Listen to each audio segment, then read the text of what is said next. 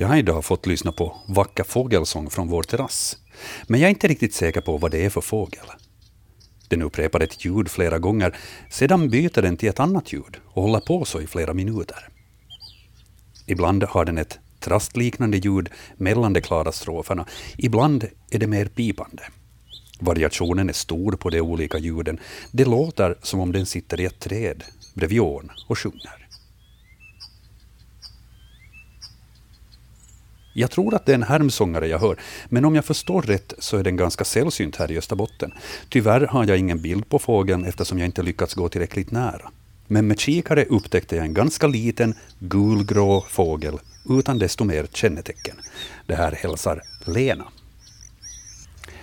Vad skulle du säga Jörgen, är det en härmsångare det här?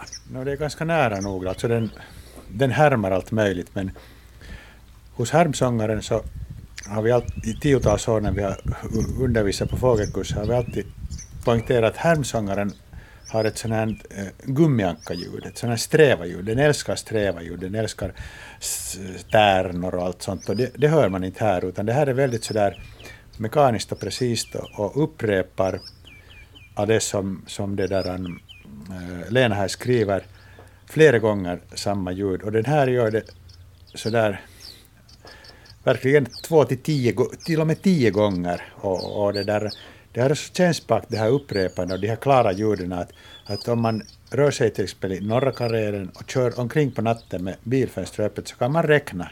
Där är en, och där är en, och där är en. Den är, den är lätt att känna igen. Det är busksångare. Busksångare. Eller lätt att känna igen. Man behöver ja. nog öva lite, men med det där, jag har övat mycket så jag klarar det. Överensstämmer busksångare då också med, med beskrivningen av en gulgrå fågel? Jo, den är, den är hör till det där som, som det där, om man, om man inte om man inte alls har sysslat på allvar med sångare så, så är man alldeles ute och cyklar. Okay. De, de, de är krångliga. Ja. Eh, no, men, eh, den här härmsångaren då, hur ser den ut? Den är, den är klargul på buksidan. Och, och det där han har ett... Den sjunger, den sjunger på dagen. Det här är en, kallas en nattsångare, den här busksångaren. Jag är alltså klargul och har en, ljus panel på vingovansidan och ett orange gap som man ofta ser när den sjunger. Men det där, I det här fallet så har det säkert inte varit möjligt att, att se så bra de här färgteckningarna. Hon skickade det här faktiskt som ett eh, videoklipp och där kunde man inte se en enda skymt av den här fågeln, Nej, utan det var bara ljudet. Ja, men man såg biotopen. Ja. Man såg biotopen och det passar väldigt bra. Det här. Hon berättar ju här också att den sjunger liksom nära ån i, i, den där, i buskarna och det passar väldigt bra för busksångare. Mm. Busksångare fick vara första svaret i Naturväktarna den här torsdagskvällen. God afton, god kväll och hej på er alla. Välkomna med till Naturväktarna här i Yle Vega. Vi är redo på att svara på alla era frågor om djur och natur. Eventuellt har vi klara svar på det också, eller så har vi en kvalificerad gissning i varje fall. Experter ikväll, Anders Albrecht och Jörgen Palmgren. På plats också Annika Ljungberg som har hand om alla frågor som kommer på e-posten. Hon sköter bildbloggen också. Och tekniker i Böle, Staffan Sundqvist och mitt namn är Joakim Lax. Där är bemanningen på den här skutan ikväll. Um, E-post, det är ett sätt att ta kontakt med oss. Eh, Natursnabelayle.fi är adressen som de flesta känner till vid det här laget. Man kan skicka paket, brev till oss också på Naturväktarna, Ylevega, postbox 12 00024 Yle. Och så kan man också ringa hit ikväll. 0600 11 12 13 är telefonnumret. Vi kommer att ta de första samtalen om en liten stund, kanske en tio minuter. Innan det så ska vi titta till e-postlådan ytterligare lite, för det har kommit en hel del frågor. Annika? Eh, vi började med lite slingrande frågor. Vi har fått några frågor om någonting som jag tycker nog är fråga om samma djur. Mm, först har vi Mikaela som undrar vad detta är för en orm. Den var i Sattmark Pargas den 28 femte och låg alldeles stilla när vi promenerade längs naturstigen. Och sen, vi har några bilder från Mikaela som man kan se på vår bildblogg som man hittar på Svenska Yles nätsidor. Och, mm, jag börjar misstänka att det kanske inte är fråga om en orm. Hur är det? No, egentligen inte.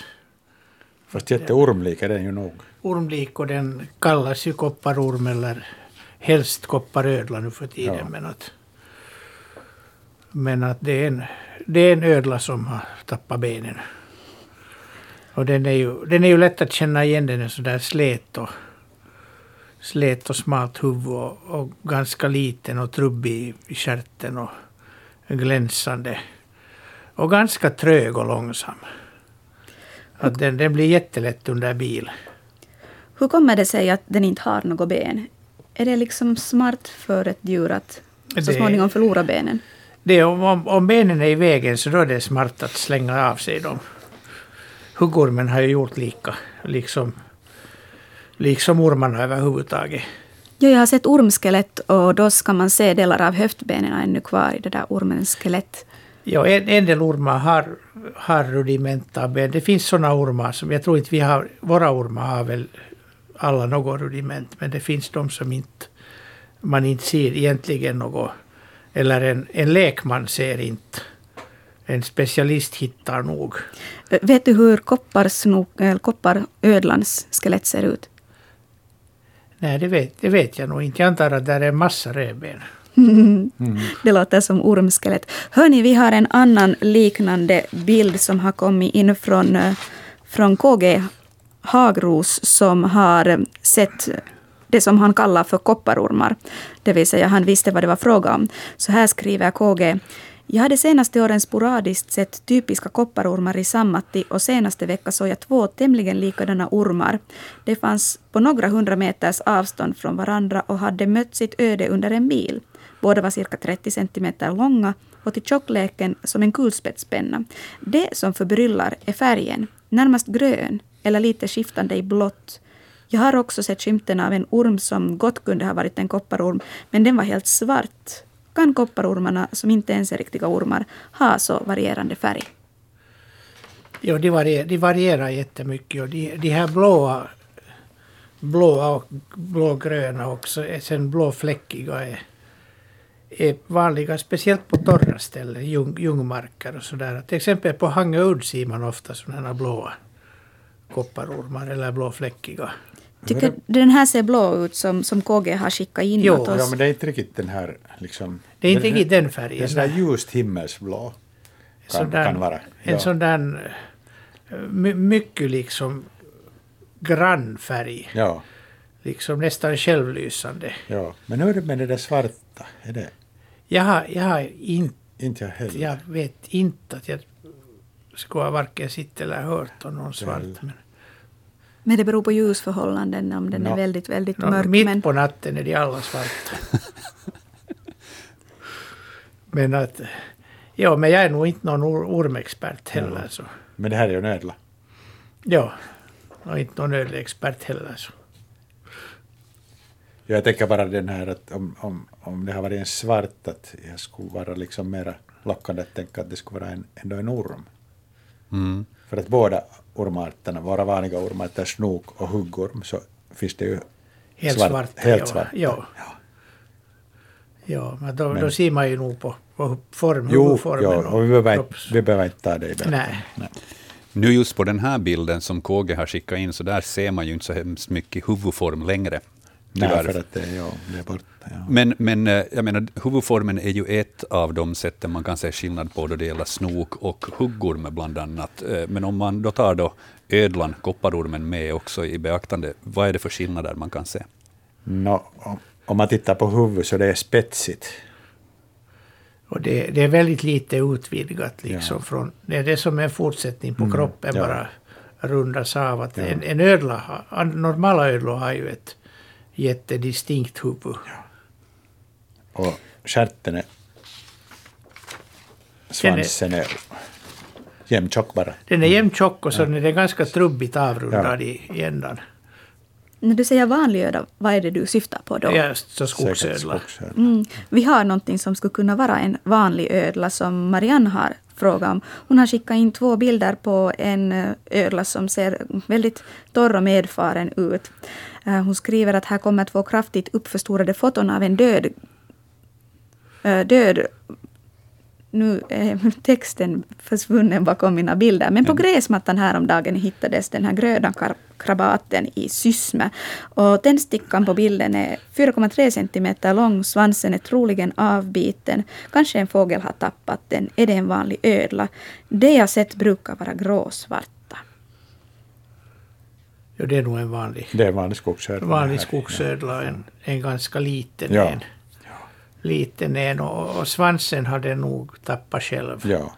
Den har blivit hotad och då, då tappar den svansen och, och sen hoppas den att förföljaren ska välja fel del. Det växer ut en svamp, svans på den en, på nytt. Kommer du ihåg hastigheten på växten? Och Det är nog så att när man tittar så ser man ingenting. Men Ja. alltså jag, jag tycker att man ser väldigt mycket ödlor med, med halvsvans och Ja. en sån där tunn början. Att jag tror att det tar ganska lång tid. Mm, säkert, ja.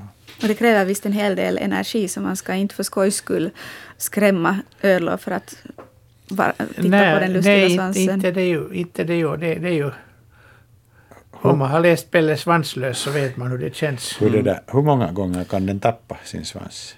En individ? Det vet jag Ja. inte. Jag tror att den lär sig med en gång. Är det så att- att det är liksom hela sommarens projekt att få tillbaka den där svansen? Eller? Jag tror det kan vara längre också. Då. Ja, det, det, det, kräver, det kräver ju flera hudömsningar på stjärten. På svansen alltså. Den, den kan inte växa mycket med en, en hud så ska den bytas. Ja. Och jag vet inte om det sker då i samband med, med den vanliga hudbytningen. Då blir det ju ganska sällan.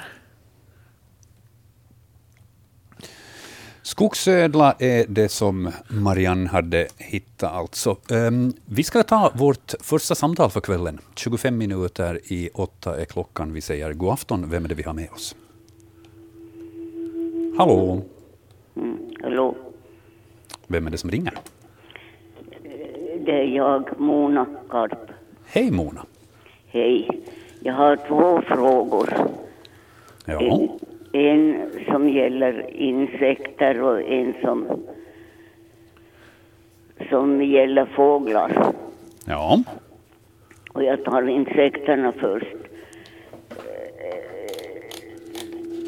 Det gäller sländor. Och det är inte trollslända utan det är nog mindre sländor. Men, men två stycken ihop, var det parning eller parasitering? Eh, Det, det är parning. Ja, just så. Nå, då vet jag det. Det, där, det kan vara parning eller ett sånt här förstadium till parningen som, Ja, ja, där de hänger ihop. just det. Och, och det, det andra eh, fick jag eftersom de ringde från Umeå och frågade hur det är med björktrasten i vårt land. De säger ju att den har blivit, det har blivit så lite.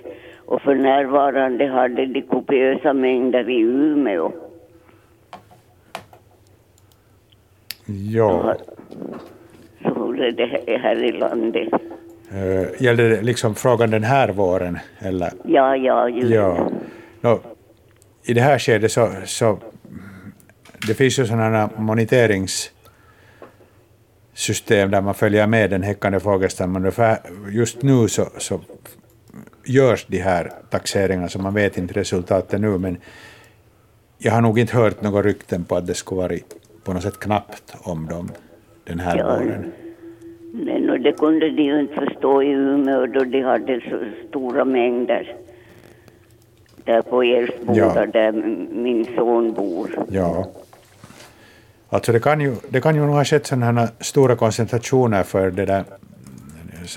I, I norr så fanns det ju väldigt mycket snö och här längre söderut Ja, ja. Väl, väldigt lite och, och det där, de, de kan ju ansamlas sen nära den här snögränsen Just det. så att det kan finnas jät, jättestora mängder.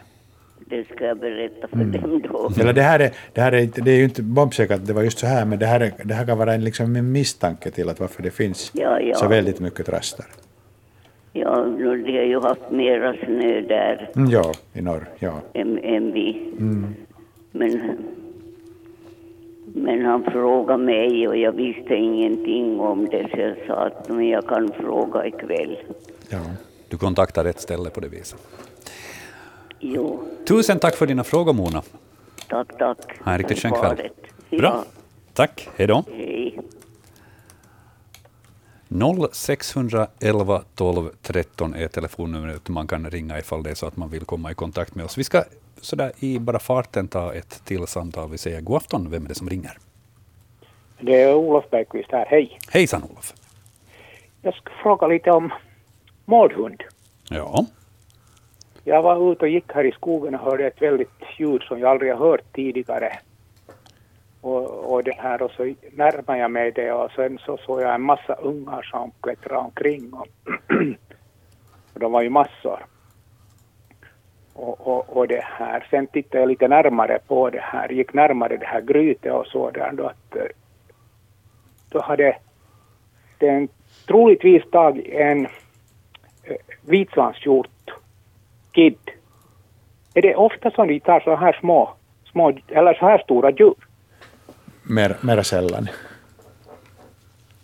Ja, Men de kan, ju få, de kan ju få tag på dem också via liksom omvägar så att de inte själva har tagit det. Utan hittar ett dött eller skadat djur och släpar det sen till grytet. jo, jag bor, eller jag är här ute på en holme i Åbolands det. skärgård så här Ja. borde inte finnas någonting som skulle kunna ta det, det här.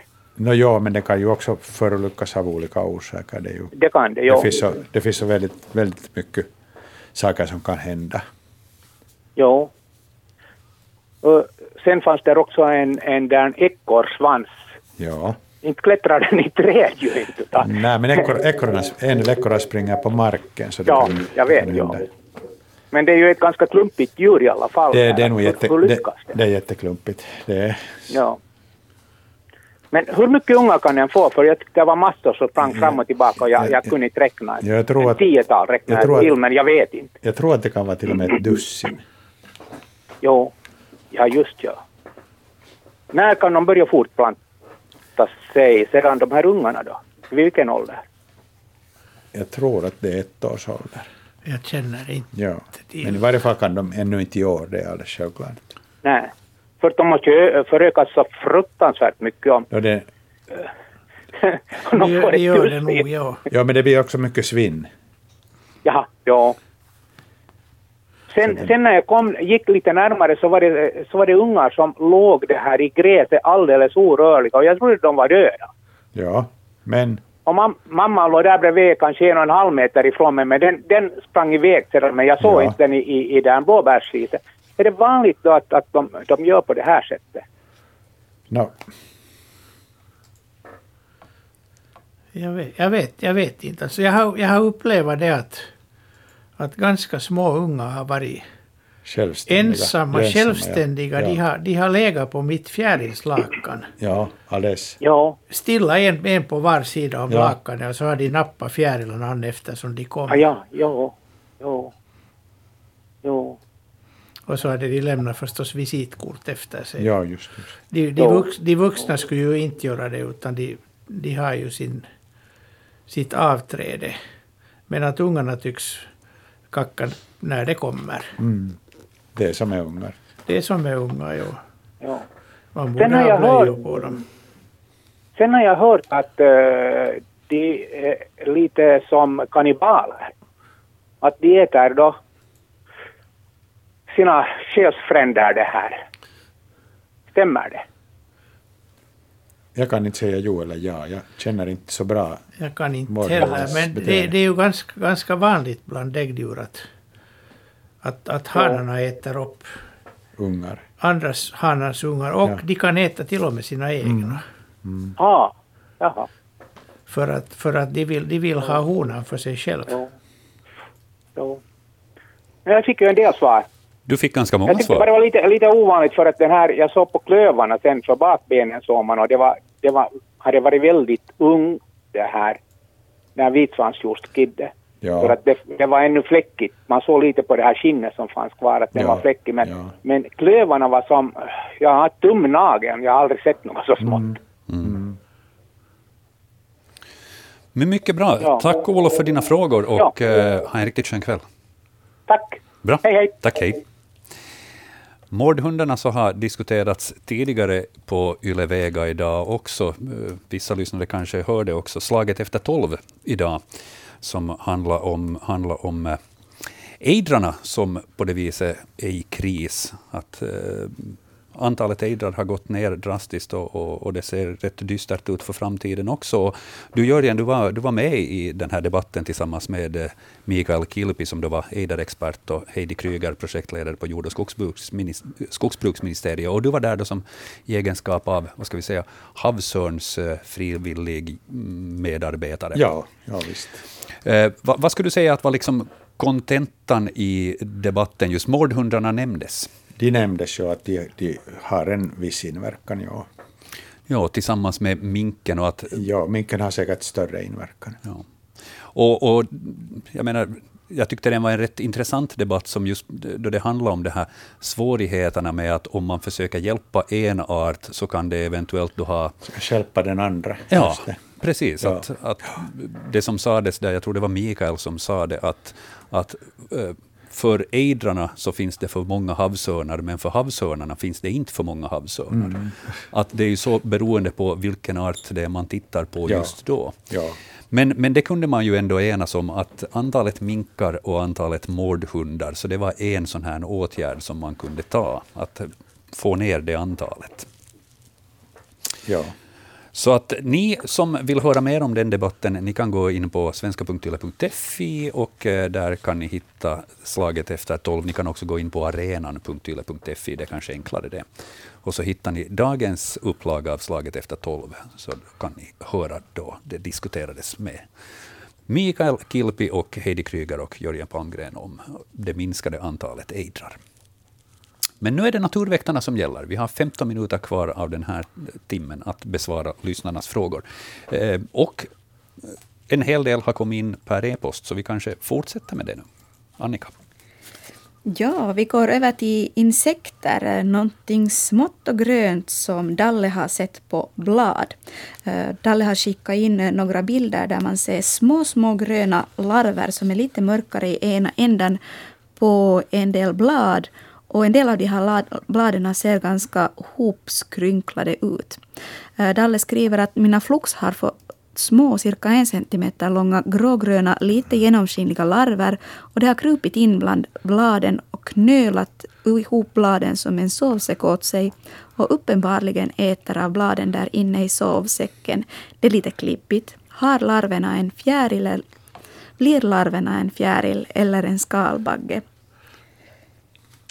Det är fjäril det blir och det är just exakt så långt jag kan säga om de här.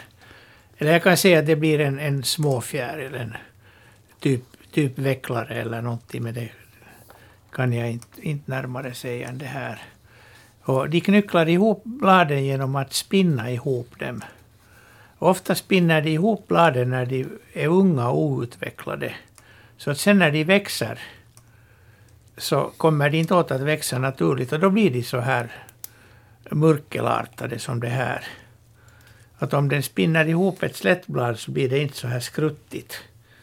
Men att när det är hopspunnet och sen försöker växa så då, då, då blir det så här. Och, och det betyder att där inne är det är bra att vara i skydd. Det är inte all, alla hittar inte dit och sen är det ganska mycket mat eftersom det det liksom rullas ihop som till ett salladshuvud. Men att det är nog en del rovdjur, till exempel näbbstinkflugorna, som de hittar nog dit in och de går, de går dit in och, och kalasar på larverna.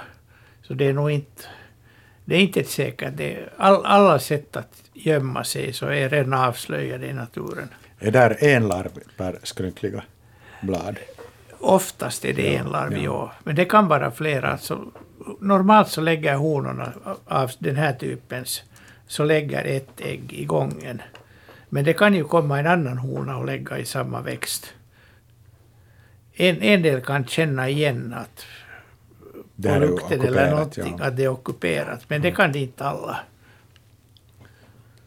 Men att normalt hittar man en larv per, per sånt här bo. Hurdan teknik har den när den fogar ihop det här till ett sån där sovsäck eller tub. Den, den har ju spinnkörtlarna i munnen, två stycken ja. på var sida av munnen. Och den, har den en symaskin med sig sen då? På sätt och vis. Nej, men att den, den fäster en tråd. Ja. Ja. på översidan och så drar den ner, spänner den till undersidan. Och så gör den på nytt och varje gång spänner den till lite. Vi kan se här på, på den här högra bilden där nere i bladspetsen, där var det har rivits upp det här. Ja. Där ser vi en sån där spinn, tät väv. Och den, den har varit ihop. Den är väldigt stark sen när den långsamt drar ihop det här. De är nog otroligt skickliga. Hur länge tar det ungefär? Det går på ett par timmar kanske. En, en, en, en sån här ordentlig fåg.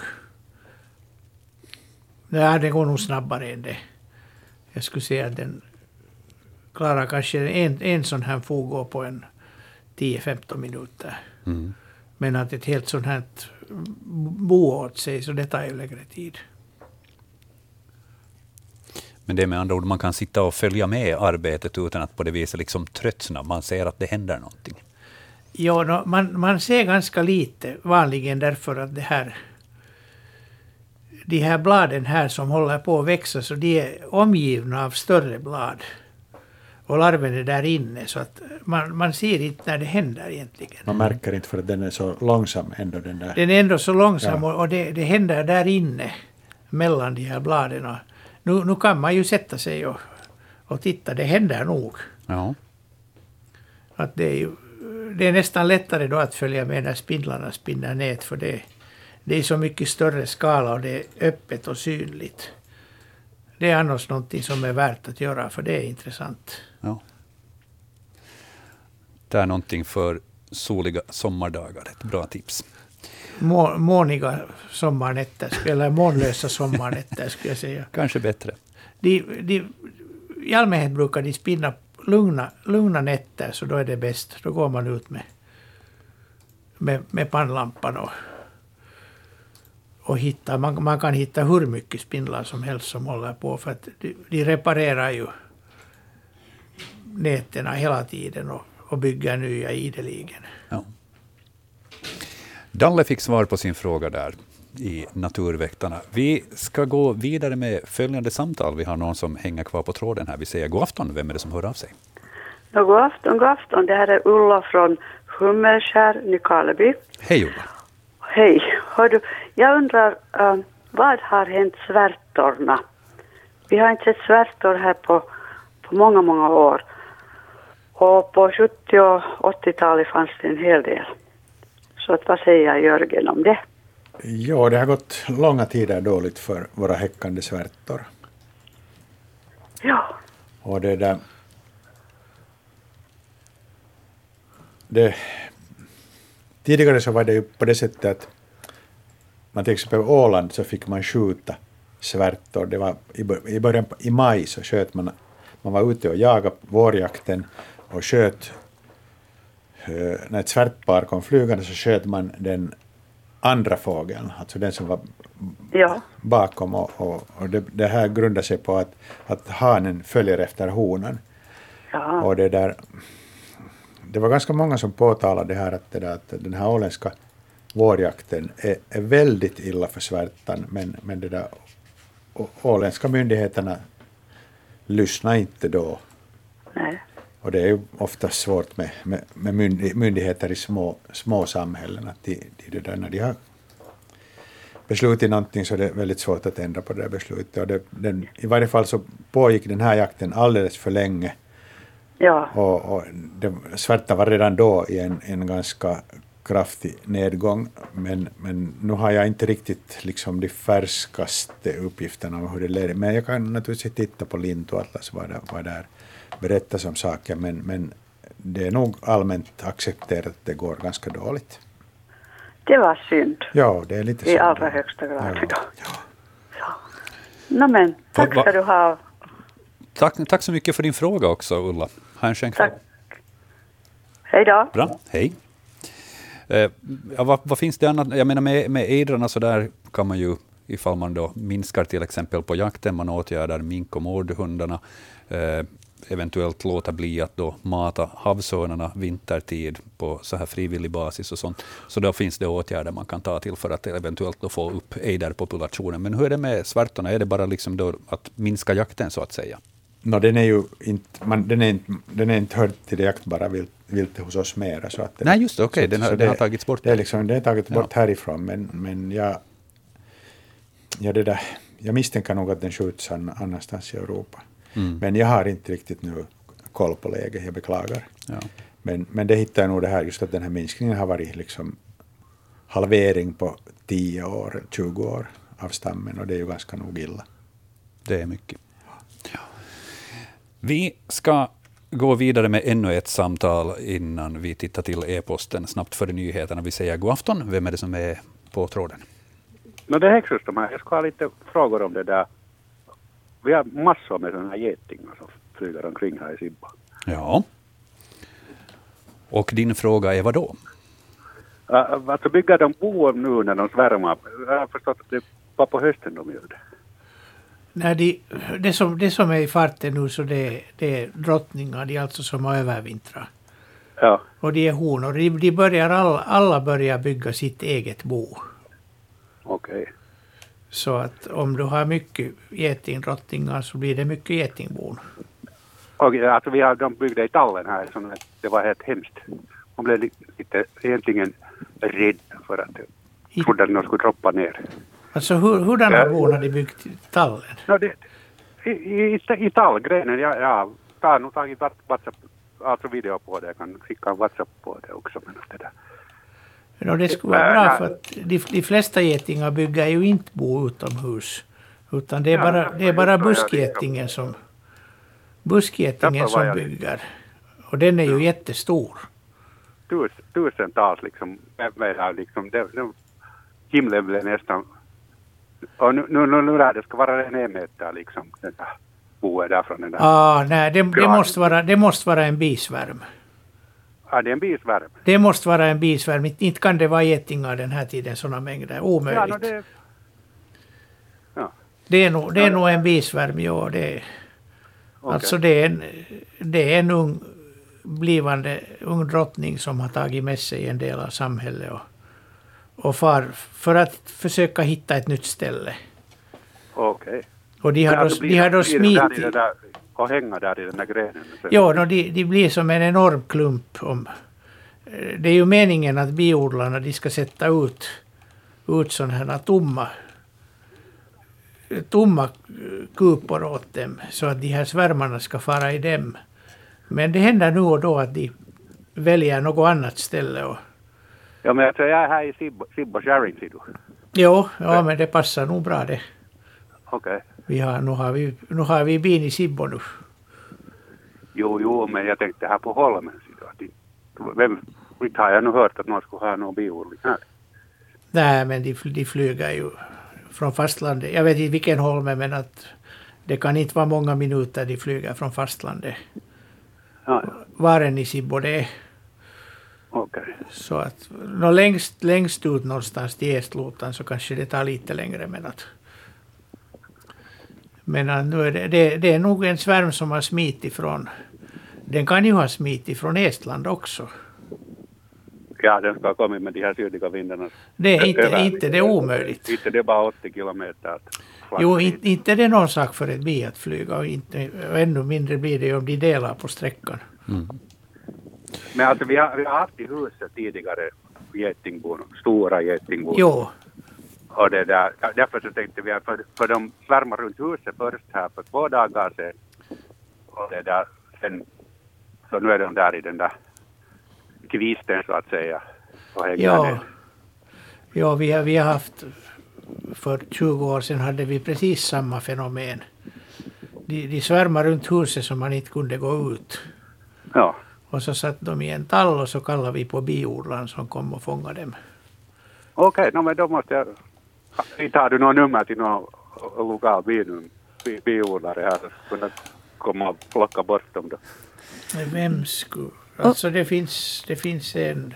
Oftast är det så om man får tag på bara någon biodlare så, Ja. så hjälper de varandra till att, till att bina ska hitta rätt och någon kan Ja, plocka det, upp det dem. finns en som heter Harring som bor i, i Box eller Nevas och sen finns det en uh, är det nog Granberg eller Hinsberg, nu kommer jag aldrig ihåg.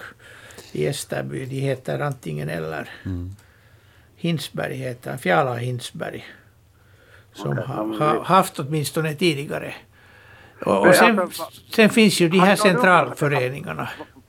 Har ni något nummer vart jag kan nu skicka den här liksom bilden och videon på det här? Det, Du, du kunde till exempel, om du kan skicka den per e-post till oss på Ja. natursnabelayle.fi, så tittar vi gärna på eh, bilder och eh, videomaterial som du har av det där. no, men Ja. jag, jag sätter dit det och det där. Tack nu för det här med för att jag, alla andra skriker åt mig att inte det är någon bin, det är getingar det här men att det där. Nej, det, jag det. det, är nog, det är nog bin det där. Det. Get, geting, Stora getingsvärmar kommer sen på sensommaren. No det är just det jag tycker också. Men som Okej. sagt, natursnabelayle.fi så ser vi fram emot att se bilder från den här bisvärmen som du har där. No, det, det kommer. Morgon. Mycket bra. Tack så mycket. Tack, hej. Ja, eh, men det, det är alltså så som man ska gå tillväga ifall det är så att en bisvärm kommer till gården och, och börjar liksom hänga i just träd eller i husknuten eller någonting sånt här. Man- den, den är i princip privat egendom. Mm. Och den här biodlaren, så det är ju en stor förlust om svärmen smiter och börjar häcka någon annanstans. Så att de kommer nog gärna att göra allt för att få, få tillbaka sina bin. Ett sätt är att de kommer med en, en tom kupa dit i närheten och så hoppas de att bina väljer den istället för, för något hål i väggen eller vad de har tänkt sig att bo i. Och det som man kan göra under tiden medan man väntar på att biodlaren ska komma dit och ta hand om dem, så det är helt enkelt låta dem vara i fred. Så att man undviker bråk. Ja, ja de, de, kan, de kan vara lite ilskna, ilskna i det där när de söker bon om, om, man, om man kommer iväg. Jag minns att vi blev stuckna nog ganska ordentligt när, när vi skulle ut och in ur huset. Men att det, finns, det finns ju sådana biodlarförbund att man kan kontakta dem och där får man reda på vilka som finns i närheten och kontaktuppgifter. Och, Mm. och de hjälper säkert gärna. Du lyssnar på Yle Vega. Vad är det för fågel? Här är några bilder. Den satt högst uppe i en grantopp så det blev mest underifrån. Skickade nyss en ljudinspelning som jag tror är av den här. Och den här bilden som Bengt har skickat in så kan man se på vår bildblogg på svenska.yle.fi natur. Och här kan vi höra lätet. sången. Här sjunger jag två arter. En så, så här sorgmodig och en munter med knorr på slutet. Bofink och lövsångare. Och den som vi ser på bilden är lövsångare. Lövsångare alltså. Japs. Man ser, man ser där på bilden att det är en liten fågel. Man kan jämföra med de där granbarrarna. Och har en smal näbb och ett svagt ögonbrynsträck och lite mörkare genom ögat. Och Man ser att den här stjärten är lite urnupen på spetsen. Och, och skulle man se ovansidan skulle man inte se så mycket mera i själva verket. Men lövsångare. Kiva att få dem tillsammans Ja, på samma... på samma skiva. Ja, just det. det var, var det två eller tre strofer av vardera? Det var ungefär Ja, det, ja. ja. Jättelyckat. Vi måste lyssna på den en gång till. Ja, gärna.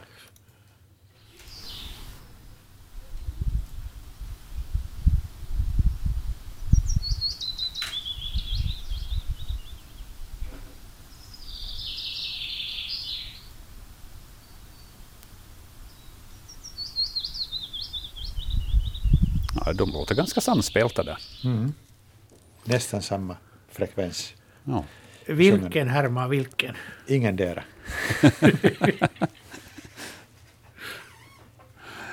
Hörni, Bengt fick svar på sin fråga där. Lövsångare var det som han hade sett uppe i grantoppen. Det är många som ringer in nu. Så jag tänker att vi kan ta ett telefonsamtal här som nästa. Vi säger god afton, välkommen till Naturväktarna. Ja, Martin Bäckman här, hej. Hej Martin. Hör du, dels hade jag en kommentar till de här, de här vad heter det, mordhundarna, men det, det som min grej är att jag tror, eller jag är ganska övertygad om att jag har sett en, någonting som heter brandkronad kungsfågel. Och jag kanske skulle vilja fråga Jörgen, att Ja. har jag missat någonting eller, eller har jag fel? Berättar du någonting om den? Förlåt? Berättar du någonting om den? Var, när, hur? Uh, I måndags 8 juni i Ja. Sibbo skärgård. Ja. Och jag kunde se den i en halv minut, en minut på tre meters avstånd. Och det var den mest granna fågel jag har sett i hela mitt liv. Alltså sjöfåglar kan jag, Ja. men småfåglar är jag inte något vidare på. Uh, men, men, men, men, men det här var liksom som från en Disney-film liksom. Gröna vingar, helt klart vitt bröst, uh, helt grannorange, liksom irokes kam på, på huvudet. Uh, och sen hade den sån här underlig, helt fascinerande, sån mörk gammal glödkrans över nacken. Mm. Såg du några ögonbrynssträck? Nå, inte desto mer. Alltså det, hade, det var vitt, det som Ja. vita ögonbryn. Ja, ja. Vita ögonbryn, men inte kan jag desto mer säga. Ja. Nu låter det som en brandkronad kungsfågelhane. Så du sjöng Ja. den? Sjöng den? Nej, det, Ja. det, det, det kan jag inte säga. Ja. Men, men det, det som är det löjliga att de var ju två. Aha. Ja. Att, att, och den andra var mycket anspråkslösare. Ja, Alltså ja. Den, den var bara gul och grön. Ja, just det. Och, och, och, och, och det där... Mm. Men det kan, ja, det kan också vara att de, de är olika arter. Det, det har rapporterats om, om sådana misstänkta blandhäckningar mellan brandkronad kungsfågel och kungsfågel. Ja, ja just.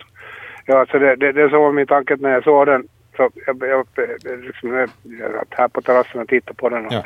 från tre meters avstånd och att, att liksom först tanken, vad är det där? Just. Och, och, och, och den, var så grann. Mm. Och, och så, så liksom den där kragen över ryggen som gick Mm. ner lite över bröstet så var så var nästan brinnande. Och, och så, no, så googlade jag och checkade lite och så Ja. kom jag underfund med att det här måste vara, men Mm. å andra sidan så är det något jag har, kan, har tagit miste på. Eh, knappast. Det, det lät så trovärdigt det där du beskrev att inte... Det är kungsfågel som man egentligen kan blanda det med, men den är, kungsfågeln är en anspråkslös upplaga av brandkronad kungsfågel, eller tvärtom att brandkronade kungsfågel är en sån här grann upplaga av kungsfågel. Ja.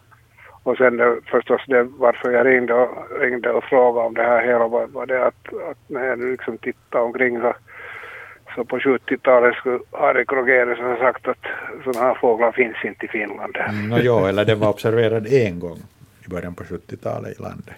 Ja, Men nu är den årsvis. Och, okej. och det finns för tillfället många sjungande hanar i landet. Som är alltså Okej. kända.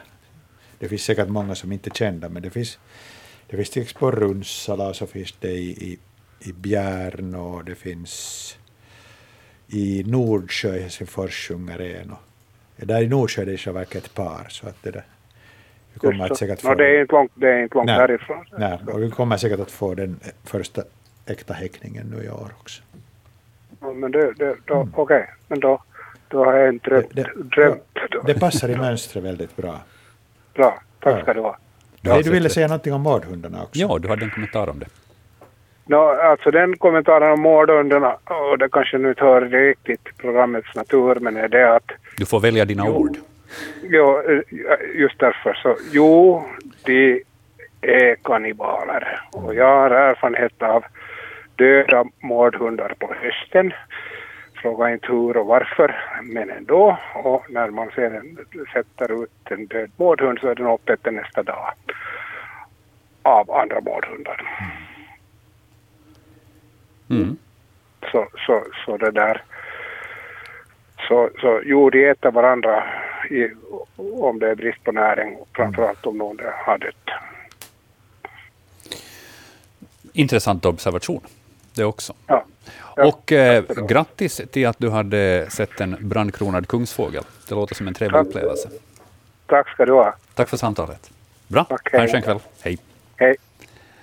I, I hurdana mängder alltså ser man brandkronad kungsfågel sådär årligen? Nå, det börjar nog vara i, i klassen med över tio per år nu för Mm. tiden. Tidigare så var det, ska vi säga för 10-15 år sedan var det en till fem per år och nu är det, ja, det, det utan vidare över tio, jo. Den, och den, det, det är känt att den är på spridning norrut från, från Mellaneuropa. Den, den, den är ju, har varit den i södra Sverige många, många år alldeles regelbunden sjungande. Hur har antalet ornitologer utvecklats under Eh, tiden? Har det blivit flera nu? Det har blivit fler, men inte lika hastigt. Inte lika hastigt, Nej, nej. nej. Men de siktas nog alltid nu och då de också. Ja, de kommer norrut här förstås. Ja, Ja, de, de flyttar ju nog. De kan flytta helt galna tider. ja. Ja. Är det häckningsperiod för dem? Ja, det är just nu. Ja. ja, ja. Men de häckar ju inte i eget bo. Nej. Okej. Eh, Men brandkronade kungsfågeln, jag, jag var och googlade och tog fram lite bilder åt mig så att jag skulle kunna följa hans beskrivning också. Det är ju nog en vacker liten fågel. Ja, bara man får se den tillräckligt nära. Mm. Men om den sen då, när den kan röra sig i, i granar väldigt högt uppe så det kan vara att man inte ser den just alls inte. Den är ju väldigt liten, den är bara 9-10 centimeter lång och väger 5 gram. Ja. Ja, det var en fin observation han hade, Martin. Vi tackar för det. Och eh, vi tittar vidare i e-postlådan, Annika. Ja, det gör vi gärna. Eh, vi har en fågelfråga som kommer från Veikko. Eh, han har skickat in en bild med en hackspett och när man tittar närmare på näbben så ser man att den har varit flitig och samlat en massa mat. Det sticker upp ut jag ska inte säga vad det är som sticker ut, men mycket spännande grejer som jag gärna hör mer om närmare. Men först ska jag berätta vad Veikko skriver. Han frågar, vad matar den här större hackspetten sina ungar med? Är det vanligt? Det ser ut som spindlar. Den är fotad i början av månaden i Hangö. Kan man säga vad det är den har i näbben för Det kan trådar? man, man. Man kan faktiskt bestämma den till art.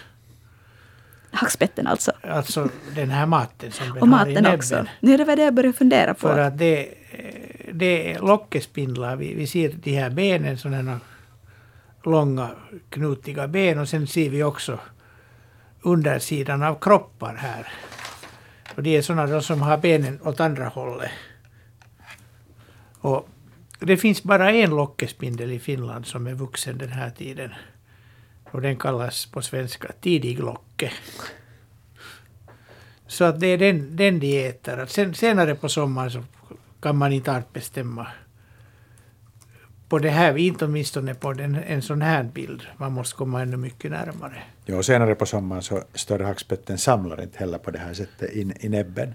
Sådana mängder, Nej, så utan de, när de den- äter dem genast. Det är när den har ungar. ja, den har ungar och den transporterar Och, men jag måste säga att det är ganska skickligt att den, den lyckas packa dem här och en, ända ut till näbbspetsen. Den har en tunga. Med, det, det, med tungan som den spelar och trycker de här spindlarna mot, mot det där um, övre näbbhalvan.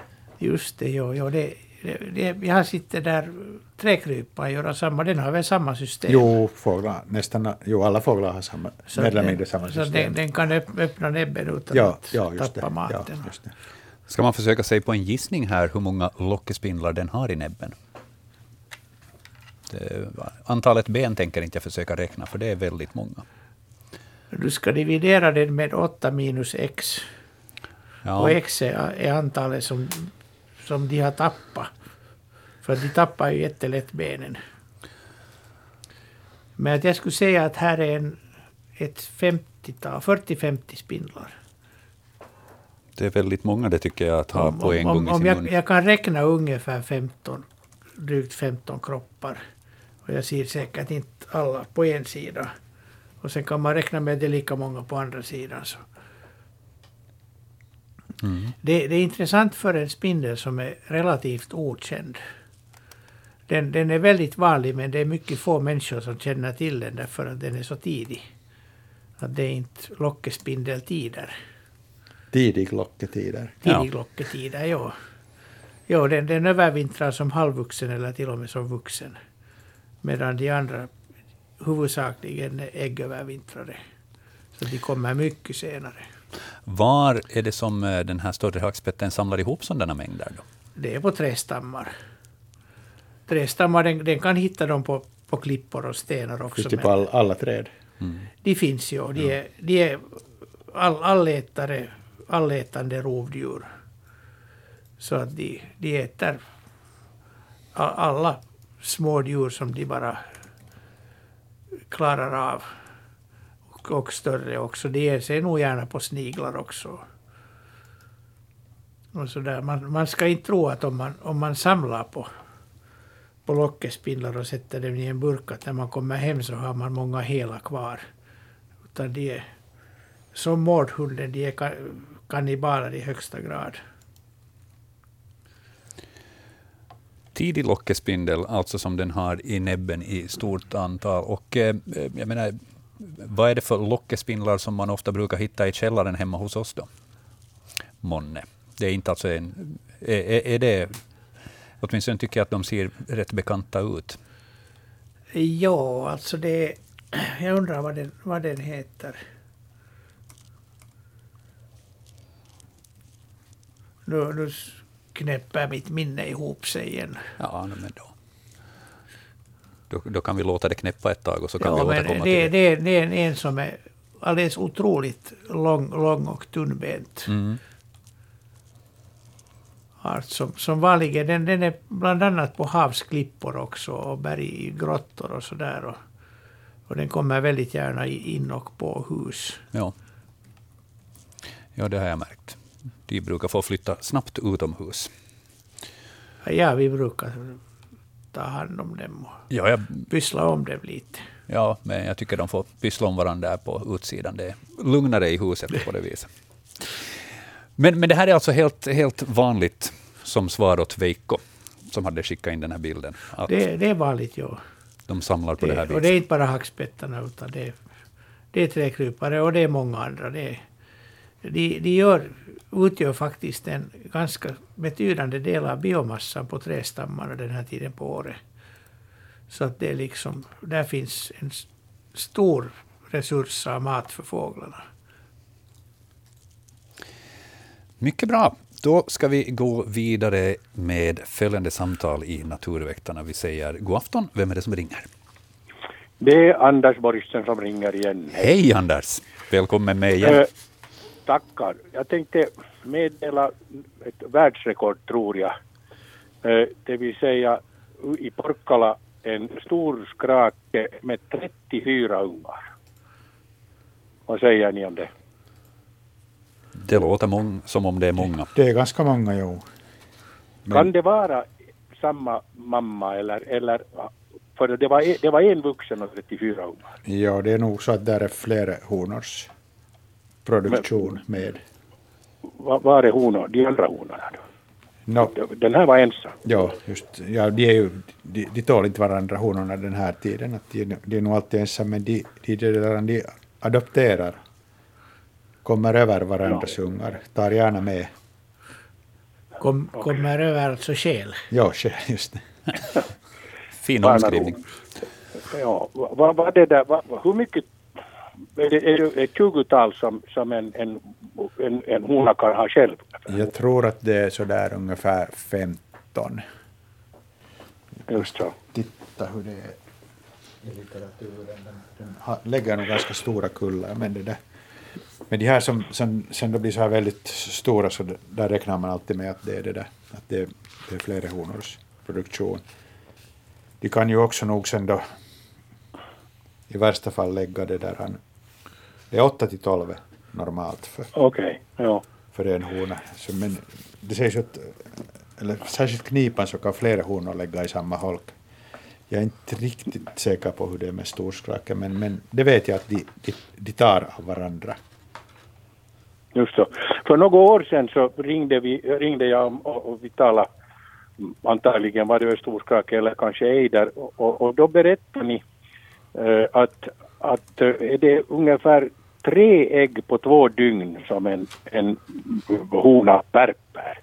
Eh, Det, man räknar med, nej, inte, riktigt så, inte riktigt så många, utan man räknar med att ett per dygn eller ett vartannat dygn.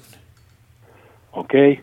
Men sen det som var intressant var att, att som jag fick höra då att, att eh, kläckningen eller ruvningen börjar först när alla ägg är värpta så att säga. Ja, Och, ja. och, och, och ingenting händer med de där som har då värpts en vecka tidigare. Ja, det är ett viloläge och, och, det där sen när honan, honan börjar med, med, med det där att ruva så då, utvecklas de samma, samma, samma hastighet. en fantastisk Ja, det är nog en väldigt, maskineri. det är väldigt, väldigt elegant. Har det helt enkelt att göra med att hon vrider upp värmen till rätt nivå och så startar processen? Det kan hända att det är så, ja, men det finns ju sen bara andra fåglar, lite en annan anpassning. Vi tänker på rovfåglar och ugglor, så de börjar ju ruva efter första ägget. Ah, Och där, där är den fördelen sen då att, att ungarna är olika stora. Och är, det, är det gott om föda så då kan föräldrarna föda upp hela kullen, men när det är dåligt om föda så, så blir minstingen sen mat åt de äldre ungarna. Ja. Mm. Mycket intressant. Väldigt intressant. Jag, Och, jag något annat. men en intressant observation måste jag säga med, med en sådär stor samling ungar efter en storskrake. 34 Ja. stycken. 34 var det. Tack för ditt samtal, Anders. Riktigt Tack så mycket. Tack. Tack. Hej. Hej, hej. Jag måste ju försöka ställa frågan, så kanske du har ett svar, Jörgen, en- eventuellt på det. Varför gör de så här då, att de liksom, så att säga, tredubblar sin kull ifall det är vanligtvis mellan 8 till Jag 12? tycker att det funderat på det sättet att de har, de har fördel när de fiskar som kedja. Den blir en större kedja. Mm. Och, men storskaken är annars sen då, den, den, den, den, liksom, den klarar, en, klarar också av en ganska stor kull. Den, den lyckas, man, man tittar i, i, i det där skärgården hur, hur det där havsörnar och trutar plockar ejderungar och ganska fort till och med hela kullen. Så storskraken, så de får vara i fred. Eller de får inte vara helt i fred, men, men de, de lyckas inte. Och det är just det här att man skyddar sig i mängden No. på något sätt. Ja, man skulle tänka sig att det, att det liksom blir svårt när de är så många, att den, den här honan inte, inte klarar av att försvara Mm. sig mot, mot de här predatorerna. Men, men Det kan ju också bli en sån där att predatorerna har svårt när, när de dyker. ja, Så ja, dyker de upp och ner ja, sådär ja, just det, det kan hända. Ja. hu- huvud, huvudlöst. Och Mm. det, de har svårt att, att liksom vänta på någon skild utan Mm. de, det är som, som fåglar som går i täta flockar eller fiskar. Mm, ja. Ja. Det är svårt att fokusera sen på Ja. en individ som man anfaller. Ja, det var en intressant observation han hade, Anders. Eh, 34 ungar i en kull, men icke alltså värpta, värpta av samma hona, kan vi ändå konstatera. Hörni, vi tittar vidare i e-postlådan. Annika? Jo, Ulf har sett en spännande gås i Kasnäs. Och bland tre normala gäss fanns en, en sån som på finska kanske är tibetin hanhi. Är inte dessa ovanliga i Finland? Ö, Ulf har skickat in en bild där man ser en som han kallar vanlig and och en som han Vanlig kallar för Vi- ursäkta, gås. En vanlig gås och en mindre vanlig gås. Mm, Den vanliga ser ut att ha ett vitt huvud och annars vara svartvit. Men den ovanliga har, är väldigt ljus och den har lite olika streck eller fält på olika ställen på kroppen som är gråa, kanske möjligen svarta. Näbben och benen på den här spännande gåsen verkar vara ljusbruna eller orangea eller Det är rödaktiga. klargula, ja, klargula, eller orangegula. Ja, det kan de säkert Ja. vara just på bilden så ser man inte den Ja. klara färgen. Eh, vad är det för gäss vi har på bilden här? Den så kallade vanliga är vitkindad gås och den andra är en st- stripgås, Anser indicus. Och är det ka- den gåsen Ulf tänkte att det skulle kunna vara? Ja, jag tror, jo, jo, tibetinhan är det på finska, ja, det stämmer. Och den, är, den har varit intressant det här året för att det där, den har nog ob- observerats många år årligen i Finland. Den har till och med häckat i Kemijärvi. Mhm. Jag tror att det var 90-talet. Eller, ja, jag tror att det var 90-talet, ja. Men det där, den här artens status ändrades i början på året när den accepterades på Finlands förteckning över fågelarter. Tidigare så hörde, hörde, hörde, hördes, den- hörde den till rymlingsklassen, men nu blev den då eh, upplyft till klassen C och det betyder att den har en Tolkningen är den att den har en etablerad stam i Europa och den förökar sig självständigt. Och sen då synkron, synkroniserar man de här Europas artlistor och då fick stripgåsen art, eh, godkänd art på Finlands lista, medan snögåsen droppades bort. Det låter lite komplicerat, men Ja. det fungerar så här. Den enas död är den andras bröd. No, inte riktigt. Alltså snögässen finns ju nog kvar ännu. Jo. Men de är inte, de är inte kryssbara. Eller de är kryssbara nog, men man får inte kryss av dem. Men av, av, av den här stripgåsen så får man nog kryss. Jag ser jag en snögås så tänker jag nog kryssa. Jo, jag vet att du får sj- själv göra hur du vill. Och det, jag, jag googlade snabbt eh, just det här Tibetin Hanhi Ja. och, och, och hittade där också då bild på stripgås och, Ja. och, och, och tittade så där snabbt vad som stod där. Och, och en sak som jag fastnade för var att det här är alltså en gås som kan flyga väldigt, väldigt högt uppe i luften tydligen. ja, det stämmer. Det, den hör till, till de som är noterad allra högst uppe. Den flög, flög över Mount Everest. Den, den flög över Himalaya, ja, Ja. just det. Ja, Och det är nog, nu ska det nog vara fy- 5000 nästan. till och med mera. Till och med mera, vi börjar väl Ja. tala en åtta, åtta säkert, Ja, och just det. nu riktigt farit rakt Åt- över åtta de- K2-toppen. Åtta är de högsta topparna, ja. Ja. Ja. Men eh, fantastiskt måste jag ju säga att en sån här fågel klarar sig på såna höjder. Fåglarna är tuffa. Så är det.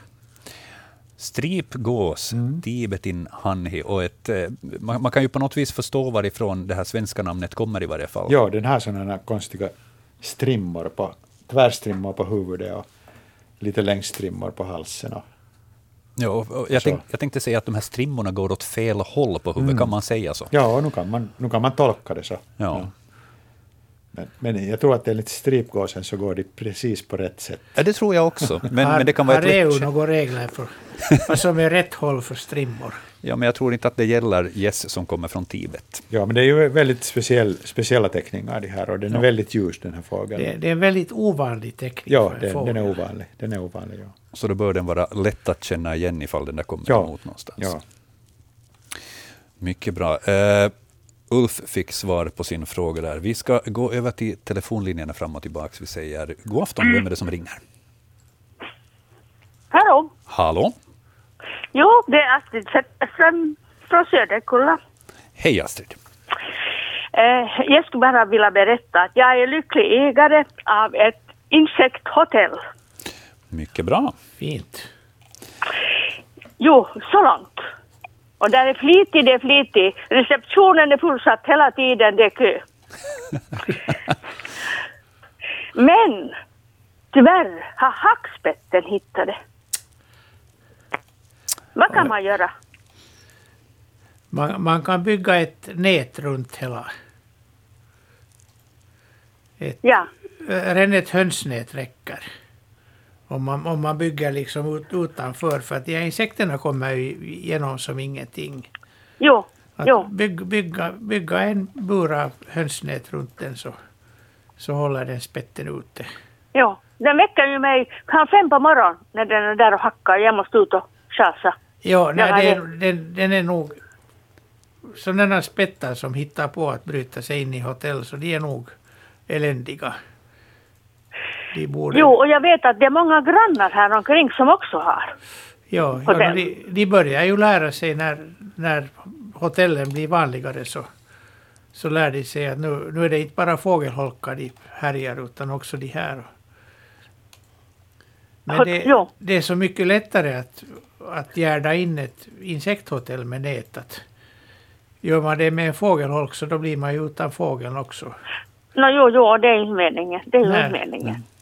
Men ett enkelt alltså ett, ett eh, sån här hönsnät runt och en bit ifrån så att den inte på det viset kommer åt Ja. att, att hacka. Så långt För den kommer ju att hänga, gärna, den kommer ju att gärna, hänga på det. alltså gärna en, en 10 centimeter ifrån så att den inte kan, inte kan hacka. Den, har ju, den kan ju bra klättra på det där nätet men man måste se till att den inte med näbben når ända till hotellet. Nej, nej, nej, till öppningarna. Mm. Jo. Och det kan ju Det är tråkigt. Det är tråkigt för det är väldigt, det var, det är väldigt trevligt. Och det är inte lika nätt sen med nätet på. Nå, det är det ju förstås inte.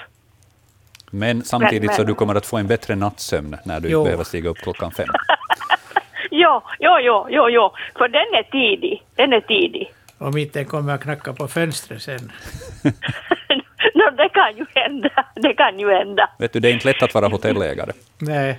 Nej, det har jag, det har jag märkt. Det har jag märkt. Men det kan vara nog så belönande ändå och eh, i kampanjen Rädda pollineraren så kan man ju gärna då gå och registrera vad man har gjort. Det kan man till exempel göra på svenska.yle.fi natur, så hittar man Jo. vidare där till, till den här kampanjen. Så gå gärna dit och, eh, och dela med dig av ditt hotellägarskap.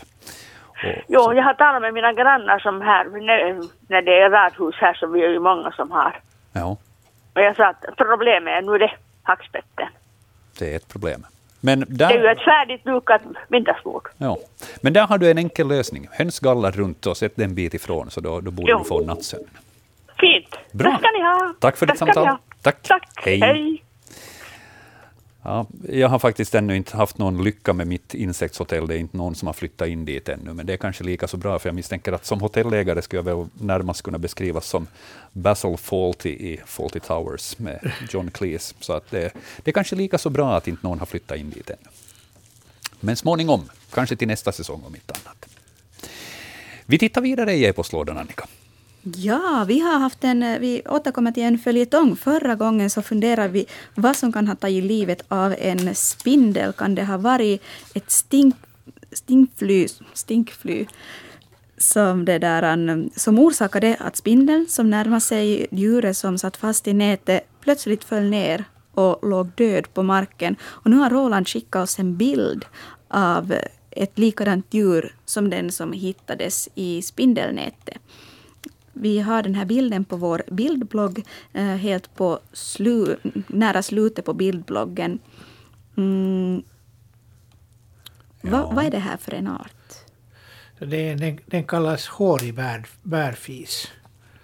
Det är en av våra, våra absolut vanligaste stinkflyn. Och, och just den här som man oftast stöter på när man äter bär och får i, munnen när man äter hallon och smultron och jordgubbar. Men den här, den här är inte ett rovdjur, så den, den har nog inte dödat spindeln. Och den har ju de här luktkörtlarna men att de, de kan inte de kan inte sprut, spruta gas utan det är en vätska som kommer ut och den, den tar nog inte livet av spindlarna. Så. Den luktar inte så illa. Nej, inte på det viset utan den, den gör att det kan hända att spindeln inte tycker om det men jag tycker att spindlarna nog har sådana här Korsspindlarna har ofta i, i, sitt, i sitt nät av de här och och de är nog mera mot fåglar och, och människor. Det vill säga man får den här smaken så spottar man ut. Och sen tar man inte mera sådana. Så att vem som har dödat den där spindeln det förblir ett, ett mysterium. Ja, men vi kom ett steg närmare, närmare lösningen då vi kan konstatera att det var inte den här håriga bärfisen som... En, en av världens miljoner dödsorsaker blev eliminerad. Mm. Det blev också spindeln. Eh, Tyvärr blev den också, ja. Tyvärr, ja. Ni, ni som lyssnade förra veckan kanske kommer ihåg, det var alltså den här spindeln som sen landade och den, de la den på en handske i två timmar och följde där. Att, var det så att den var skendöd, att den bara spelade. Men den hade nog dött. Men det var alltså inte den här håriga bärfisen som var, som var orsaken till den här spindelns död. Då inte. Nej, det var, det var det inte.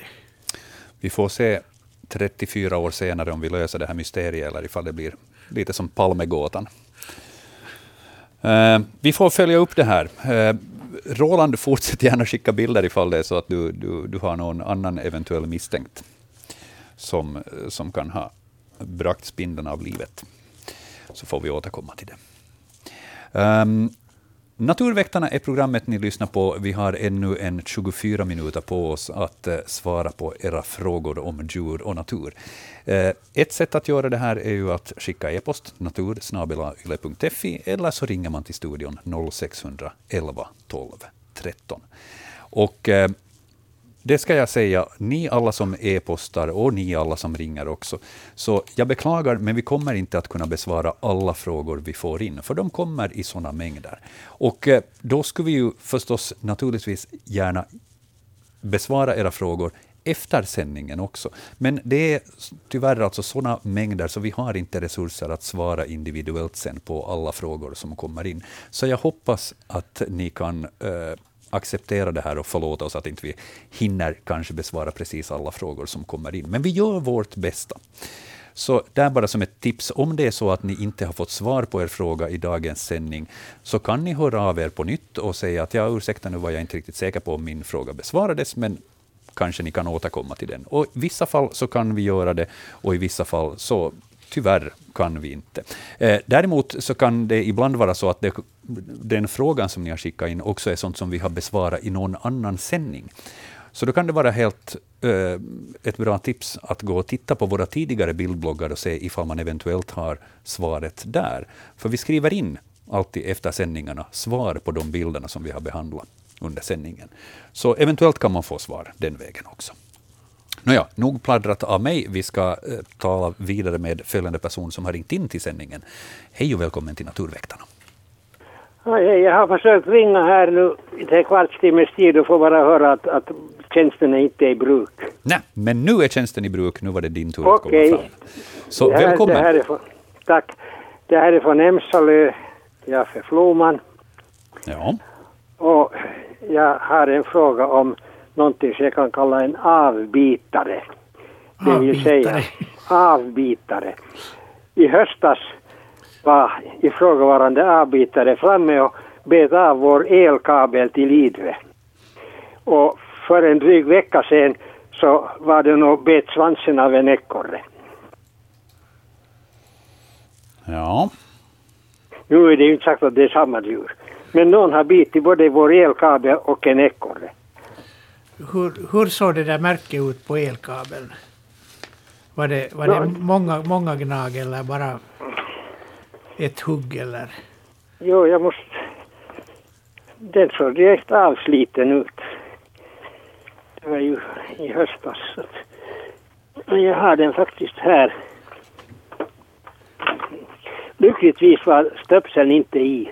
ja, men ser du, det var ju tur. Ja, den är direkt avbiten. Som klippt. Som klippt. Ja. Det Hur, låter hur, ju... tjock, hur tjock kabel är det? Det är en sån vanlig kabel för, för nätström som jag använder för att få belysning i Lidre. Ja, just det. Alltså Den en, låg på gräsmattan. en gum, gummikabel. Gummikabel, jo, den låg på gräsmattan. Vi var borta ett par dagar och kom tillbaka så var den avbiten. Inte, inte har vi något sådana djur som skulle göra det. låter nog som en, en människa och en spade eller någonting Ja, och hur sånt. någon skulle hitta på att gå hit till vår gräsmatta och, Ja, no, och det- klippa av. Det Det, kan, att- det kan man fundera på. Ja, det vet jag att jag hade... Men om vi tar mera naturenligt ekorren. För en dryg vecka sedan hittade jag en ekorrsvans på stigen ner till stranden. Och dessutom har vi inte sett ekorren sedan dess. Och när jag korjade undan den där svansen så var där en bit, en liten bit under som såg ut som en bit av en framtass. Det var enda spår som fanns. Så det, resten Det- har nog flugit sin väg. Ja, nå- ja, någon har ätit upp den, ja. Ja, men är det, har det, blivit, det har blivit är det rev, mink eller rovfågel? Det kan man inte sådär bara säga. Inte. Det kan Det, vara det, vad som, det, vad som fin- det helst. finns många som, Ja. många som eftertraktar ekorre. Svansen är lite torr att äta. Ja. ja. Men vi kan Det var, det, det var en hel svans som låg där på stigen och det var Ja, allt. Men vi kan enas om att det är nog knappast samma som har bitit av elkabeln. Nej. Nå jo, men det bara råkade sig så. Ja, just det. Att jag hade en avbitare. ja, ja, alltså möss och sorkar går ju gärna på kabel men inte ser det så där ut. Nej, mysteriet med avbitaren. Nej men nu är det ju den här ekorren att vilka djur går på ekorrar och får fast den. Det är väldigt många som, som jag sa, det är väldigt många som vill Jag vet inte om vi skulle ha mord här men vi har en mink nog vid stranden. Ja, Och så finns det en rev i byn. ja. Och duv, Och så duvhöket finns har det rovfåglar och, just och ugglor. Och ugglor finns det. Ja, no, ugglor finns det Ja, också, jo. ja. Så här fanns det en hel del misstänkta. Ja, just så. Nå, men sen har jag ytterligare en fråga. Ja. En, vi hade, hade igår eller förrgår kväll hade vi en, en det där fiskmåsfamilj eh, med tre stycken uppenbarligen helt nykläckta ungar för det var, det var små runda dunbollar. Ja. Och föräldrarna vaktade mycket noggrant och sen lade de sig tydligen och sova. De klumpade ihop sig till en enda stor boll på stranden bredvid vår bastubrygga. Och så satt sig ena föräldern på bryggan och den andra på bastutaket. Och så vaktade de ungarna.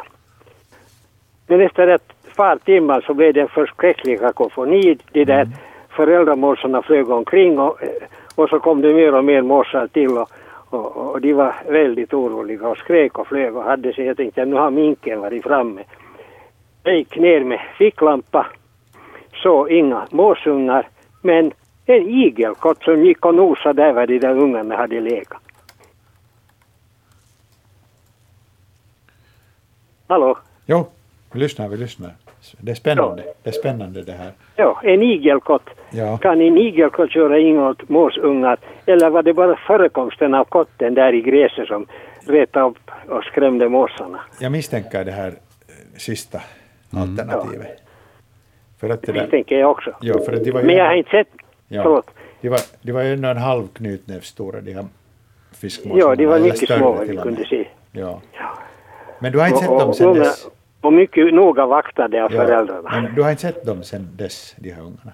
Och sen dess har jag inte sett den där familjen. Men nej. det kan nog hända att det har hänt någonting då, Ja. ändå. Kanske igelkotten tog, tog en och, eller försökte. Ja, ser du, men de, de, ingen var där och, Ja, och den gick där och, och snusade i gräset och sökte någonting ätbart. ja, ja. Finns de här föräldrarna kvar ännu? Följande morgon så när jag gick ut på bryggan Ja. så kom de flygande från närmaste lilla Ja, Kolme. ja. Men sen dess har jag inte sett dem. Ja. Men, de- men de såg mig så fort jag kom ut på bryggan så Ja. lyfte de från här, Ja. holmen här utanför. Brukar de, Och så- brukar de göra så när du rör dig där? Ja, nu, sen dess har de inte. Ja, men alltså tidigare, tidigare. Jo, vi Ja. har nu nä, nästan alltid måsar här. Ja, just det. Och, och, och vi har haft måsungar i stranden också. Så det är ingenting nytt i och för sig. Mm. Ja, ja. Men att det här att, att en igelkott Ja, det, det kan ställer också... till. Det kan också vara det var... Ja. Ja, no, det är nog... Ett Men så har vi då antagligen en mink som bor där mellan Mm. stenarna för den Ja. har vi sett varje år. Ja, Både vinter och sommar. ja. Det är lite En som gång var den så fräck. Det är lite som med den där ekorren att, att fiskmåsungar har också många som, som vill, vill komma och smaka på. Ja. Jag tror, jag tror nog igelkotten gärna skulle äta, men vågar den? Jag vet inte, igelkotten är... Ja, ja. Den, den är ju nog ganska Och knappast kan den ha fångat alla tre. Nej, man Och- tycker om den har petat upp dem på taggarna. Och, Ja. ja, det går inte så fort. Nej. Så att det är vad jag nu hade att berätta. Igelkotten har vi sett här se, senare också. Den nosade här på vår gräsmatta igår kväll höll den på också. Hur är det med det där matande av igelkottar? Man får ju inte ge mjölk av den. Kan man ge någonting? Man kan ge... strömming. Ja, Strömming. Eller fisk kan Ja, man eller ge. hundmat eller... Eller kattmat. Ja, eller kattmat, Ja. just det. Jo, det där med kattmat har jag hört av Ja, någon. Malet kött har jag hört också. Att man, Ja. men inte sån här färdig hamburgare. Det, skulle, det får inte vara salt och kryddor i. Förresten- om, om, det, om den hade nappat någon unge så tycker man att, att, man borde ha sett någonting där. Och de andra ungarna var också försvunna och inte, inte hade nu s- slukat tre ungar på en gång. Men det låter väl... Det, det, har, det, den nog inte. Nej. Ja. Vi har fått ett meddelande av Mikael som berättar om sin eh, erfarenhet med kanin och elkabel. Om, ka- om snittet är cirka 45 graders vinkel så kan det vara fråga om en hare till exempel. Jaha, några harar har vi här. Jo, de har Ja. och annat på vintern. Sen Ja, så har jag också personligen erfarenhet av att schnauzer gärna biter av elkabel ifall den har tråkigt. Ja, vi, vi har erfarenhet av, av kanin och elkabel. Och de spåren var nog inte alls så där lika. Det var, det var nog inte ett bett utan det var, det var ett ordentligt gnagande. Var Mystiskt. Komplett av direkt. Ja. Det, det får lämnas som en olöst gåta den där Ja. elkabeln, tror jag. Bra. Tack för ditt samtal. Okej, Ha en riktigt kväll. Bra. Tack, hej. Hej. Naturväktarna heter programmet ni lyssnar på. Vi har ännu en 13 minuter tid på oss att besvara frågor om djur och natur. Eh, vi ska ta eh, en ljudfråga till, som är, åtminstone i mitt eh, tycke, ganska knepig. Men vi får se ifall till exempel Jörgen har ett svar på det här. Eh, det är Simon och Maria som skriver så här. Vi har nu för andra året i rad ett riktigt störande fågelskrälle någonstans i närområdet. Tyvärr så är den skygg som en snöman när vi ska spela in ljudet, men störande som en gräsklippare när man ska sova. Vi har fått inspelat när den kväkar kvä, kvä ett par gånger, vilket hörs svagt i den bifogade ljudfilen. Rimligtvis borde den inte vara så sällsynt, men vi hittar inte motsvarande läte någonstans fast vi lyssnat igenom Nordens alla fåglar. Kanske ni kan hjälpa oss att lösa gåtan. Vi ska ta och lyssna på det här ljudklippet. Och det är lite knepigt att, att höra det här ljudet, så att uh, Jörgen får skärpa öronen här.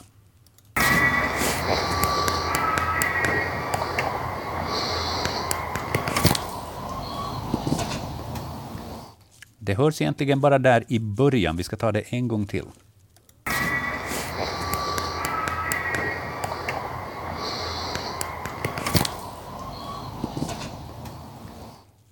Och du kanske inte ännu eh, identifierar ljudet där, så jag ska läsa en annan mening som Simon och Maria har skickat in här. För den som känner till tv-serien Simpsons, så låter den som när Nelson Muntz skrattar, en av karaktärerna i den här tecknade serien, och han skrattar så här.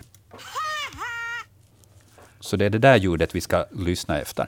Så vi lyssnar på Simons klipp en gång till. Det är riktigt där i början.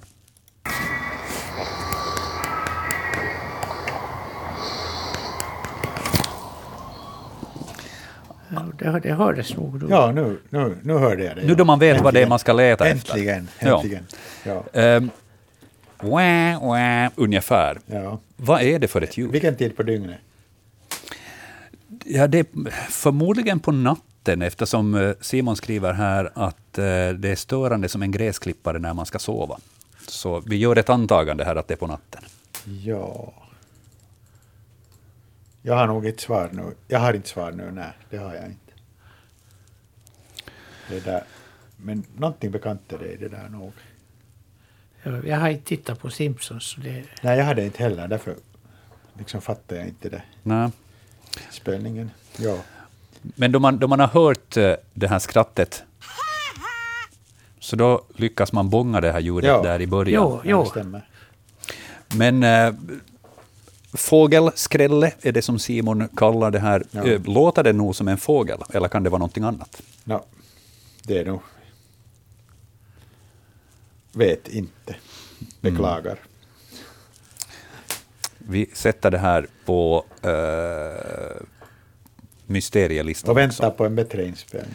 Vi väntar på en bättre inspelning. Vi hoppas att Simon och Maria fortsätter att väckas av det här ljudet och, och, och lyckas få en bättre inspelning, så kanske vi kan återkomma till den här frågan sen. För att det, det var dolt av ganska mycket andra ljud Ja. där runt omkring.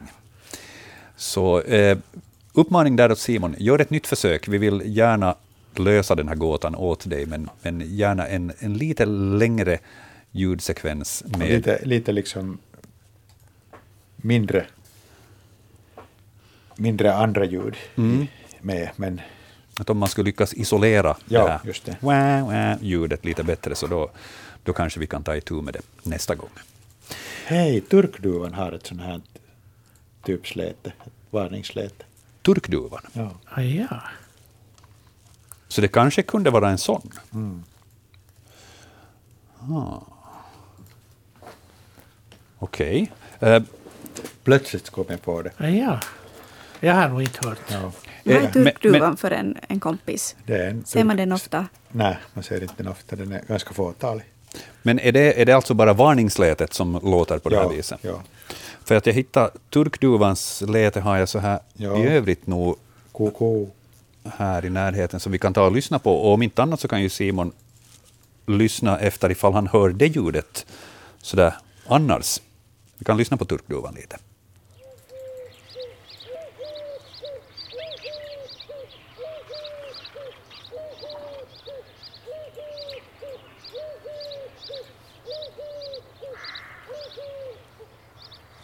Så om det här ljudet förekommer där i övrigt också, Också, just det. Ja. så då kunde det eventuellt vara turkduvan som vi hör som har det här ljudet.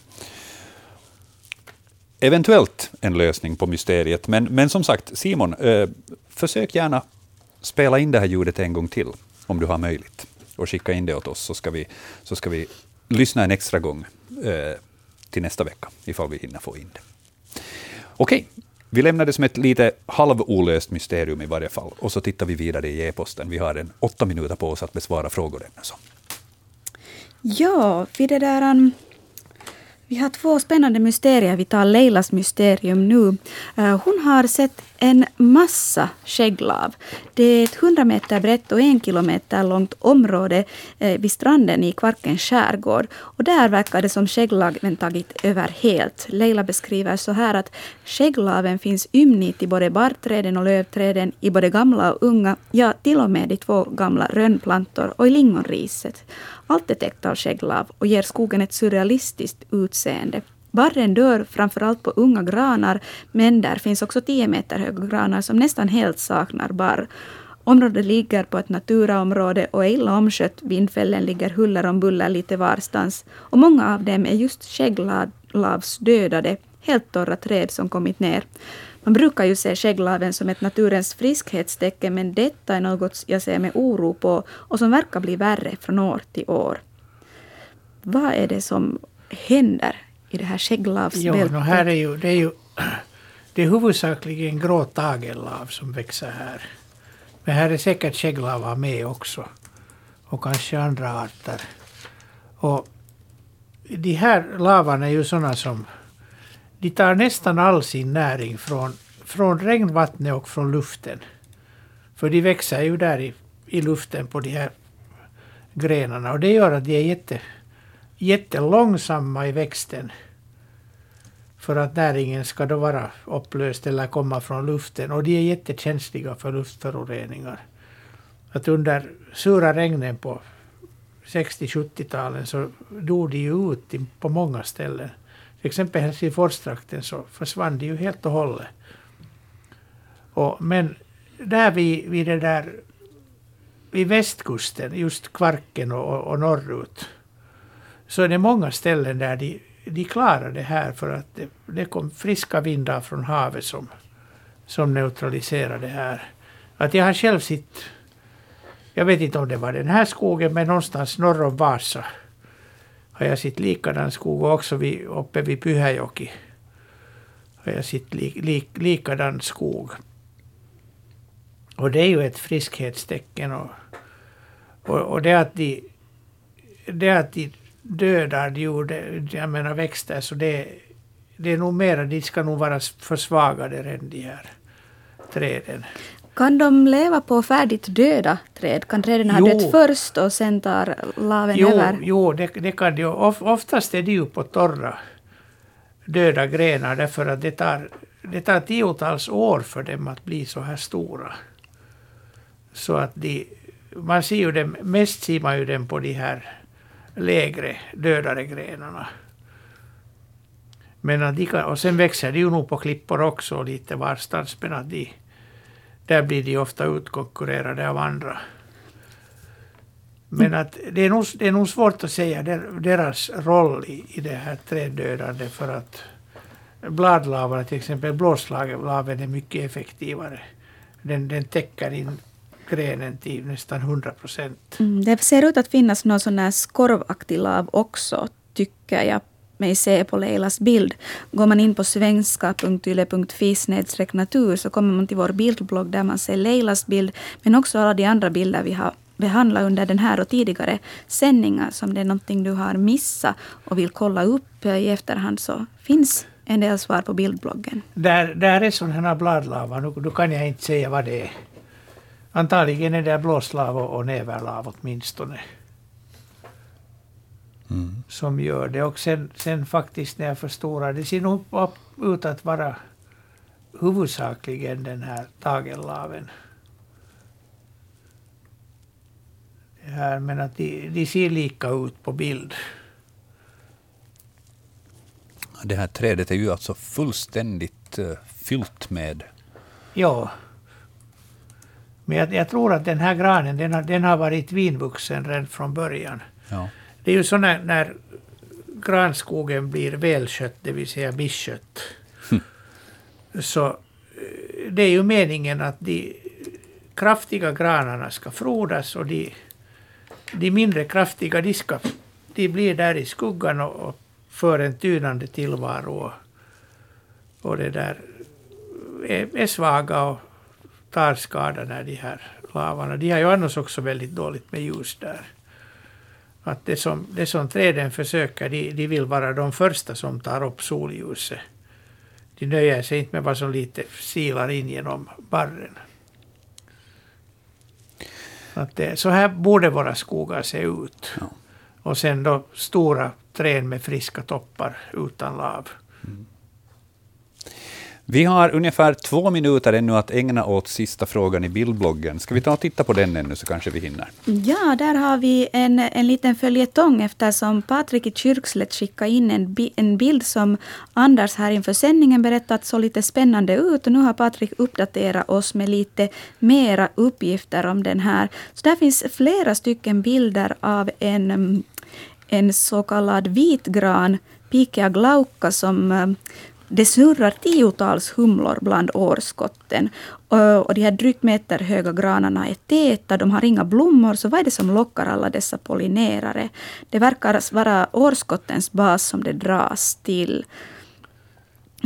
Det som Patrik sen har tillagt är att, att han har tagit loss en kvist och tog in den för närmare analys och så några små kryp som han då också fotograferat. Dessutom så berättar han att tillsammans med humlorna så surrar också getingar i granen och en nyckelpiga som kröp på ett skott.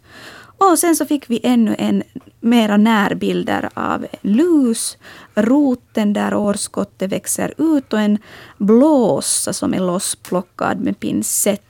Den där blåsan är fylld med klar vätska. Det som man ser som reflektioner är bara från, från blixten på, på kameran som gör en ljus ring på den där blåsan. Men vad är det för koda, vad är det för djur och vad är det som lockar humlorna? Och du får en minut, Anders. Ja, vi ska säga, här finns... Dels så kan man se, se på den här mittersta bilden att de här barren är lite vaxklädda. Och det är en bladlus som heter Mindarus obliquus som lever där i de här unga barrerna nu på försommaren. Och som avsöndrar honungsdagg som humlorna kommer och gör honung av bina också. Och här sitter en av de här lössen här lite, lite nedanför på en, på en gren. Och sen de här fjällen, jag tänkte först att det skulle ha varit något sköldlöss men att det är nog, det är nog bara granens, granens fjäll. Men de har antagligen också den här honungsdaggen i sig.